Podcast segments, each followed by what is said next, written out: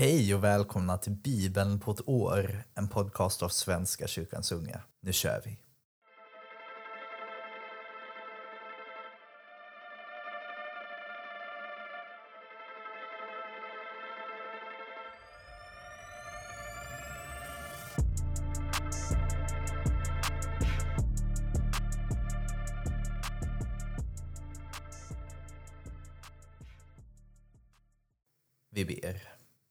Tack Gud för denna tisdag. Tack för att vi igår fick börja med bibelläsningen igen. Tack för att du älskar oss så mycket. Var med i denna bibelläsning. Välsigna den. Välsigna den här tiden vi har tillsammans. I Jesu namn. Amen. Ja, vi börjar i Första Samuelsboken, kapitel 24, vers 1 till kapitel 25, vers 44. David bröt upp därifrån och höll sedan till bland bergfästena i Engedi. När Saul kom tillbaka från sitt fälttåg mot Filistena talade man om för honom att David höll till i Engedis öken.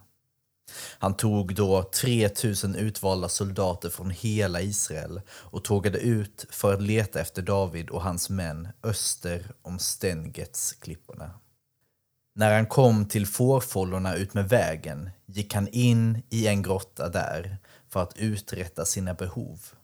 Men längst inne i grottan satt David och hans män och de sade till honom Nu är den dagen inne om vilken Herren sagt Jag lämnar din fiende i ditt våld Gör med honom vad du behagar. Då smög sig David fram och skar av en flik av Sauls mantel. Men när han hade skurit av Sauls mantelflik slog honom samvetet. Och han sade till sina män, Herren förbjude att jag skulle handla så mot min härskare, Herrens smorde, att jag bär hand på honom. Han är dock Herrens smorde. Och med stränga ord avhöll David sina män från att överfalla Saul. Saul lämnade grottan och fortsatte vägen fram. Då reste sig David och gick ut och ropade efter honom, min herre och konung. Saul såg sig om, och David föll ner med ansiktet mot marken och hälsade underdånigt. Han sade, varför lyssnar du till dem som säger att jag vill dig illa? Nu kan du själv se hur Herren utlämnade dig åt mig i grottan. Jag blev uppmanad att döda dig, men jag skonade dig och sade, jag får inte bära hand på min härskare, han är dock Herrens smorde. Se här, min fader, vad jag håller i handen, en flik av din mantel. Jag kunde ha dödat dig, men jag skar bara bort en flik av din mantel. Då måste du förstå att jag inte är skyldig till något ont. Jag har inte förbrutit mig mot dig. Du däremot lägger försåt för att bringa mig om livet. Herren ska döma mellan oss. Herren ska hämnas på dig för vad du har brutit mot mig. Själv ska jag inte röra dig. Du vet hur de gamle brukade säga. Ont kommer från det onda. Min hand ska inte röra vid dig. Mot vem har Israels konung dragit ut? Vem är det du jagar? En död hund. En ynka loppa. Men Herren ska vara domare. Han ska skipa rättvisa mellan dig och mig. Han ska ta sig an min sak och skaffa mig rätt gentemot dig. När David hade sagt detta ropade Saul, David, min son, är det verkligen du? Och han brast i gråt. Det är du som har rätt, inte jag sade han. Du har gjort gott mot mig och jag har gjort ont mot dig. Idag har du visat att du vill mig väl. Du dödade mig inte trots att Herren hade lagt mitt liv i din hand. Man låter ju inte sin fiende löpa när man fått fast honom. Herren ska löna dig rikligt för vad du har gjort mot mig idag. Nu vet jag säkert att du ska bli kung och att Israels kungadöme kommer att befästas under ditt styre. Svär nu vid Herren att du inte utrotar mina efterkommande och inte utplånar mitt namn ur min släkt. Detta lovade David med ed och sedan vände Saul tillbaka hem. medan David och hans män drog sig upp till sitt bergfäste. Samuel dog och hela Israel samlades för att hålla dödsklagan över honom. Han begravdes i Rama, där han hade bott. David hade dragit vidare ner mot Paranöknen. I Maon bodde på den tiden en man som höll boskapsjordar i Karmel. Han var mycket välbärgad. Han ägde 3000 får och 1000 getter. Och nu var han i Karmel i samband med fårklippningen. Mannen hette Naval och hans hustru Avigail. Hon var en klok och vacker kvinna, men han var styvsint och elak. Han tillhörde Kalevs ett. Då David ute i öknen fick reda på att Naval höll på med fårklippningen i Karmel skickade han dit tio av sina män. Dra upp till Karmel och gå hem till Naval, sade han. Hälsa honom från mig och säg Jag önskar dig all lycka och allt gott för dig och din familj och allt du äger. Jag fick höra att du är i färd med fårklippningen. Nu är det så att dina herdar har hållit till hos oss och vi har aldrig gjort dem något för när. Inte heller har de blivit av med något under hela tiden de har varit i Karmel. Fråga själv ditt folk, de kan intyga det. Jag ber dig därför att ta väl emot mina män när de nu har kommit på en festdag och ge av vad du kan ha åt dem och din vän David. Då männen kom till Naval framförde de Davids hälsning och väntade på svar. Men Naval frågade David, vem är det? Jishais son, vem är det?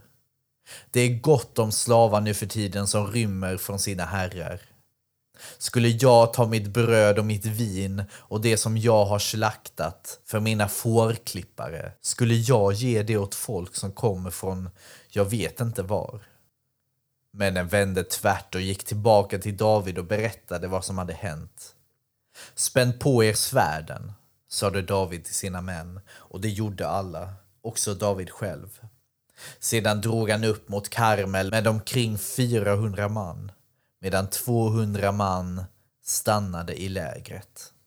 En av Navals tjänare berättade för hans hustru Avigail att David hade skickat budbärare utifrån öknen. De framförde en hälsning till vår husbonde, men han snäste av dem.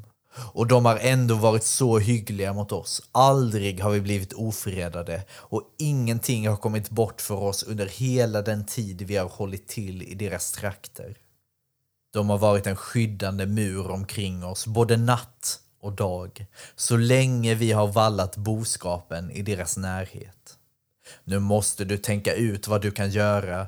Domen är säkert redan fälld över vår Herre och allt hans husfolk. Själv är han en så ondsint människa att man inte ens kan tala med honom. Avigail gick genast och tog fram 200 brödkakor, två läglar vin, fem redan tillredda får, ett par säckar rostad säd, hundra kakor russin och 200 kakor fikon och lastade allt sammans på åsnor. Hon sade åt sina tjänare att gå i förväg, så skulle hon själv komma efter. Men till sin man Naval nämnde hon ingenting. Bäst som hon var på väg neråt i skydd av berget, ridande på sin åsna, mötte hon David och hans män som kom emot henne. David hade suttit och tänkt det tjänade ingenting till att jag skyddade den här mannens egendom ute i öknen så att ingenting kom bort.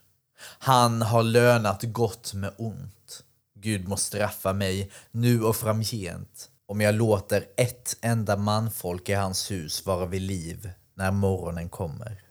När Avigail fick se David steg hon genast av åsnan och föll ner för honom med ansiktet mot marken och hälsade honom underdånigt. Herre, sade hon och föll ner för hans fötter, skulden är min, men låt mig få säga ett ord. Jag ber dig, lyssna på din tjänarinna. Bry dig inte om den eländige Naval. Han bär sitt namn med all rätt. Vettlös heter han och vettlös är han. Själv träffade jag aldrig männen som du skickade. Så sant Herren lever, han som har hindrat dig från att spilla blod och ta rätten i sina händer. Och så sant du själv lever, Herre. Må det gå dina fiender och de som vill dig illa på samma sätt som det går för Naval. Ta emot de gåvor som din tjänarinna medför, Herre, och låt fördela dem bland männen i ditt följe. Jag ber dig förlåta din tjänarinna vad hon har felat. Herren ska bygga dig ett kungahus som består.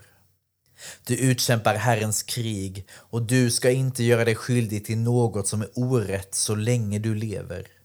Om någon skulle förfölja dig och stå dig efter livet ska Herren bevara ditt liv som en dyrbar sten. Men dina fienders liv ska han lägga i sin slunga och skjuta bort.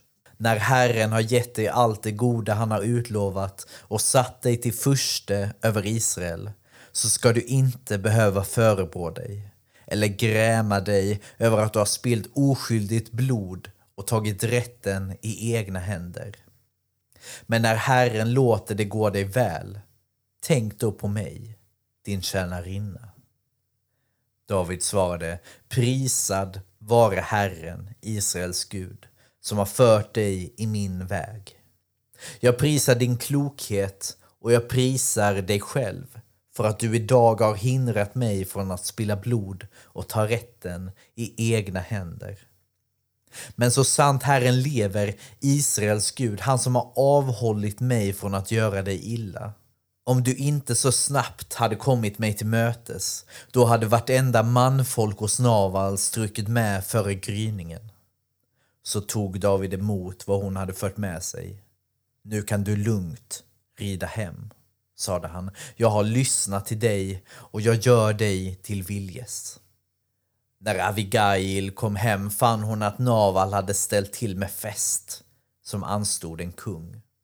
Själv var han drucken och mycket upprymd. Därför nämnde hon inte ett ord om saken förrän nästa dag. På morgonen när han hade nyktrat till berättade Avigail för sin man vad som hade hänt. Då drabbades han av slag och han låg där som en sten. Omkring tio dagar senare släckte Herren hans liv. När David fick höra att Naval var död sade han Prisad vare Herren som har straffat Naval för den skymf som jag har lidit. Herren har hindrat mig från att begå en ogärning och låtit Navals ondska gå ut över honom själv. David skickade nu bud till Avigail för att begära henne till hustru. Hans tjänare kom till henne i Karmel och framförde sitt ärende. David har sänt oss för att hämta dig till honom som hans hustru. Då föll Avigail ner och hälsade dem med ansiktet mot marken och gav sitt svar. Jag är din tjänarinna. Låt mig vara en slavinna som tvättar fötterna på din herres tjänare. Så satte hon sig genast upp på sin åsna och red iväg, i sällskap med sina fem tjänsteflickor. Hon följde med Davids sändebud och blev hans hustru. David var också gift med Achinoam från Israel. Båda var nu hans hustrur. Men Saul hade gett sin dotter Mikal, Davids hustru, åt Palti, Lajishs son, från Galim. Det var ett långt stycke idag. Vi fortsätter i Johannes evangeliet kapitel 10, vers 22 till 42.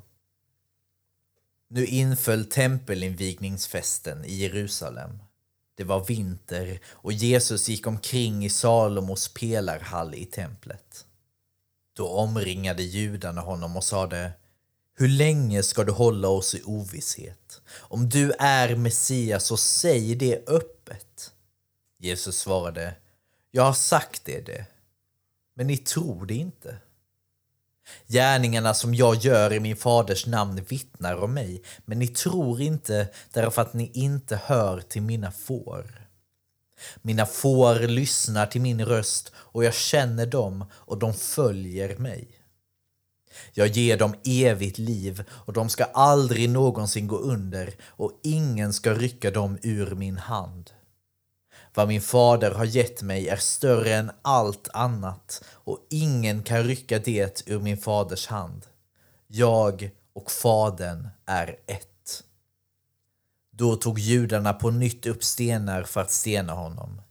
Jesus sade till dem Jag har låtit er se så många goda gärningar som kommer från Fadern. För vilken av dem stenar ni mig? Judarna svarade det är inte för någon god gärning vi senar dig, utan för att du hädar och gör dig själv till Gud, fast du är människa. Jesus sade, står det inte i er lag? Jag har sagt att ni är gudar. Lagen kallar alltså dem som fick Guds ord för gudar och skriften kan inte upphävas. Hur kan ni då säga till mig som Fadern har helgat och sänt till världen att jag hädar när jag säger jag är Guds son? Om jag inte gör min faders gärningar ska ni inte tro på mig. Men om jag gör de gärningarna så tro åtminstone på dem, om ni nu inte kan tro på mig. Då ska ni fatta och förstå att Fadern är i mig och jag i Fadern. De försökte återigen gripa honom, men han kom undan. Sedan begav han sig på nytt till den plats på andra sidan Jordan där Johannes först hade döpt. Där stannade han och många kom till honom. De sade att Johannes visserligen inte hade gjort något tecken men att allt som han hade sagt om Jesus var sant. Och många kom där till tro på honom. Ja, om vi inte kan tro på Gud så kan vi åtminstone tro på det goda som Gud gör kanske. Åtminstone det. På hur vi vaknar varje morgon, hur vi har mat att äta, hur vi kan andas, dricka och hur vi har varandra. När det är svårt att tro kan vi åtminstone tro på det. Jag fortsätter i Saltaren, psalm 116. Jag älskar Herren, ty han har hört min bön om förskoning. Han lyssnade till mig när jag ropade. Dödens snaror omgav mig, dödsrikets fasor nådde mig. Jag var i nöd och förtvivlan. Jag åkallade Herren, Herre rädda mitt liv. Herren är nådig och rättfärdig, vår Gud är barmhärtig. Herren bevarar de oskyldige, jag var hjälplös och han räddade mig. Kom till ro min själ, Herren har varit god mot mig. Han räddade mig från döden, mitt öga från tårar, min fot från att snava. Jag får vandra inför Herren i de levandes länder. Jag trodde att jag skulle gå under, jag plågades svårt och tänkte i min oro, alla människor sviker. Hur ska jag återgälda Herren alla hans gärningar mot mig? Jag lyfter räddningens bägare och åkallar Herren. Jag vill infria mina löften till Herren inför hela hans folk. De trognas liv är dyrbart i Herrens ögon. Herre, jag är din tjänare, bara din tjänare, din tjänarinnas son. Du har lossat mina bojor. Jag vill frambära tackoffer åt dig. Jag vill åkalla Herren. Jag vill infria mina löften till Herren inför hela hans folk på förgårdarna till Herrens tempel inne i Jerusalem. Halleluja. Och vi avslutar idag som vanligt i Ordspråksboken kapitel 15, vers 20 och 21. En klok son är sin fars glädje, men dåren föraktar sin mor. Den vettlöse har sin glädje i dårskap. Den insiktsfulle håller rak kurs. Tack för idag kära vänner. Vad härligt att vi är igång igen. Wow. Vi ses imorgon igen. Hej då.